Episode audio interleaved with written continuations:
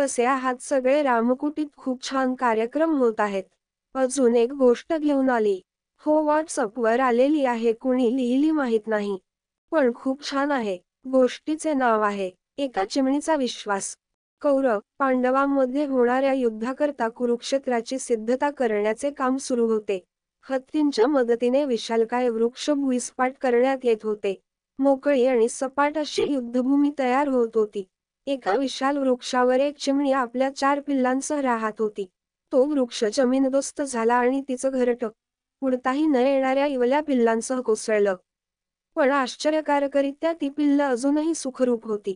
घाबरलेल्या हताश झालेल्या चिमणीने तेव्हाच अर्जुनासहित तिथे आलेल्या श्रीकृष्णांना पाहिले.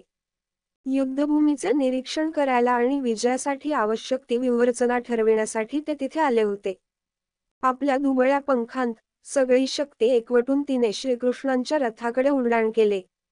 हे कृष्णा माझ्या बाळांना वाचव. या भयंकर युद्धात ती चिरडली जातील. तिनं श्रीकृष्णाला विनवलं. तुझं दू.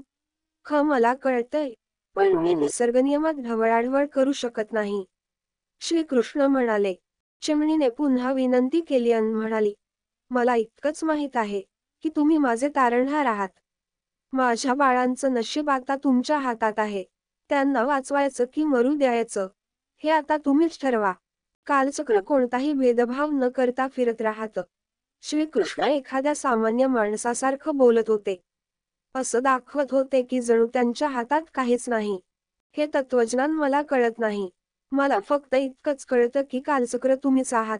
मी तुम्हाला शरण आले आहे. चिमणी अत्यंत आदराने आणि विश्वासपूर्वक बोलत होती. मग असं कर तीन आठवडे पहिले इतकं अन्न तुझ्या घरट्यात गोळा कर. श्रीकृष्णांनी सांगितलं. सुरू असलेल्या या संभाषणाबाबत अनभिज्ञ असलेला अर्जुन चिमणीला हुसकावणार इतक्यात श्रीकृष्ण तिच्याकडे पाहून स्मितहास्य करताना त्याला दिसले.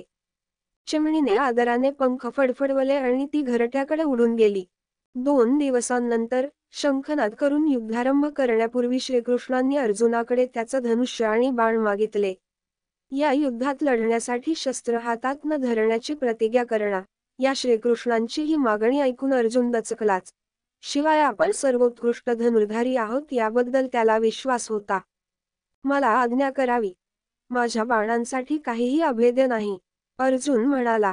अर्जुनाकडून शांतपणे धनुष्य स्वतःकडे घेत श्रीकृष्णांनी हत्तीवर नेम धरला. पण बाणाने हत्तीला खाली पाडण्याऐवजी तो बाण हत्तीच्या गळ्याभोवतालच्या घंटेला लागला आणि काही ठिणग्या चमकल्या. एवढा सोपा नेम मुकलेला पाहून अर्जुन त्याचं चुकचुकणं लपवू शकला नाही. मी करू का? अर्जुनाने अर्जव केले. त्याच्या त्या प्रतिक्रियेकडे दुर्लक्ष करत श्रीकृष्णांनी धनुष्यबाण त्याला परत दिले आणि आणखी काही करण्याची गरज नसल्याचं सांगितलं. पण तुम्ही केश हत्तीवर वार का केलात? अर्जुनाने विचारलं. कारण चिमणीचं नांद तर घरट असणारं झाड त्याने पाडलं होतं. श्रीकृष्णाने सांगितले कोण कुठली चिमणी ती? अर्जुनाला काही कळेना. आणि एवढं होऊनही तो हत्ती सुखरूप आणि जिवंत आहे. फक्त त्याच्या गळ्यातली घंटा तेवढी उडून पडली. अर्जुनाच्या प्रश्नाकडे दुर्लक्ष करत श्रीकृष्णांनी त्याला शंखनाद करण्याची सूचना दिली. युद्ध सुरू झालं. पुढच्या अठरा दिवसांत अनेकांची आयुष्य संपली. अखेर पांडवांचा विजय झाला. परत एकदा. त्या रक्तलांचित युद्धभूमीवरून श्रीकृष्ण अर्जुनासहित फिरू लागले. अनेक योद्ध्यांची कलेवर अंत्यसंस्कारांची वाट पाहत अजूनही तिथेच पडलेली होती. छिन्नविच्छिन्न झालेले दोन्ही बाजूंचे सैन्य युद्धात मारले गेलेले हत्ती रथाला जोडलेल्या अवस्थेत मरण पावलेले घोडे यांच्या प्रेतांचा तिथे खच पडला होता. एका विशिष्ट ठिकाणी श्रीकृष्ण थांबले आणि तिथे पडलेल्या हत्तीच्या गळ्यातल्या घंटेकडे विचारमग्न होऊन पाहत राहिले. अर्जुना माझ्यासाठी म्हणून तू ही घंटा उचलून बाजूला ठेवशील का? श्रीकृष्ण म्हणाले. या साध्याशा सूचनेने अर्जुन मात्र गोंधळात पडला. एवढ्या विस्तीर्ण युद्धक्षेत्रावर इतक्या बहुसंख्य इतर गोष्टींचे निवारण करणे बाकी असताना एक क्षुल्लकसा धातूचा तुकडा उचलायला श्रीकृष्ण त्याला का सांगत असावेत हे न कळून प्रश्नार्थक नजरेने तो श्रीकृष्णांकडे पाहू लागला. होय हीच ती घंटा. मी बाण मारल्यावर हत्तीच्या गळ्यातून निसटली होती. श्रीकृष्ण म्हणाले अर्जुन खाली वाकला आणि कुठलाही प्रश्न न विचारता त्याने ती जडशे घंटा उचलली. आणि त्यानंतर त्याने जे पाहिले त्याने त्याचे आयुष्य कायमचे बदलले. एक दोन तीन चार आणि पाच. चार छोट्या चिमण्यांपाठोपाठ एका प्रौढ चिमणीने पंख पसरून झेप घेतली. आनंदाने उडत उडत तिने श्रीकृष्णांना प्रदक्षिणा घातली. निखळलेल्या एका घंटेने एक पूर्ण कुटुंब वाचवले होते.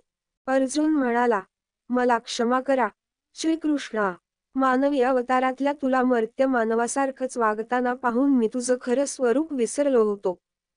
जेव्हा काळ अटीतटीचा असतो तेव्हा घंटा उचलली जाईपर्यंत थांबवा. विश्वास ठेवा भगवंत सर्व व्यवस्थितच करणार आहे. साभार रामकुटे पॉडकास्ट आता युट्यूबवर आणि युट्यूब म्युझिकवर पण आपण ऐकू शकतो. ज्येष्ठ साधकांनी साध्या आवाजात छान दुर्मिळ स्तोत्र म्हटलेली आहेत ती नक्की ऐका आणि मुलांना पण ऐकवा. रामकुटी पॉडकास्ट आपण Apple podcast Amazon music Jio Saavn Gaana Google podcast Spotify tune in YouTube आणि जगातील पॉडकास्ट पुरवणाऱ्या सर्व्हिसवर आपण रामकुटी सर्च करा. रामकुटीचे speller R A M K U T I किंवा मराठीत रामकोटी असे टाईप करा. हो श्रीकांत दादांनी सौंदर्य लहरचे रोज सकाळी तीन श्लोक शिकण्याची संधी उपलब्ध करून दिली आहे याचा लाभ घ्यावा. Nine four two three zero three seven two one zero. परत सांगते nine four two three zero three seven two one झिरोला WhatsApp message करावा. आणि आपण गच्चीवर वरांड्यात वाटीत पाणी आणि थोडे धान्य जरूर ठेवा. उन्हाचा उकाडा वाढत जात आहे. चिमणी आणि इतर पक्षी नक्कीच संतुष्ट होतील. नवीन संदेश घेऊन परत भेटूच. हा मेसेज पुढे नक्की पाठवा. आपलीच रामकोटी.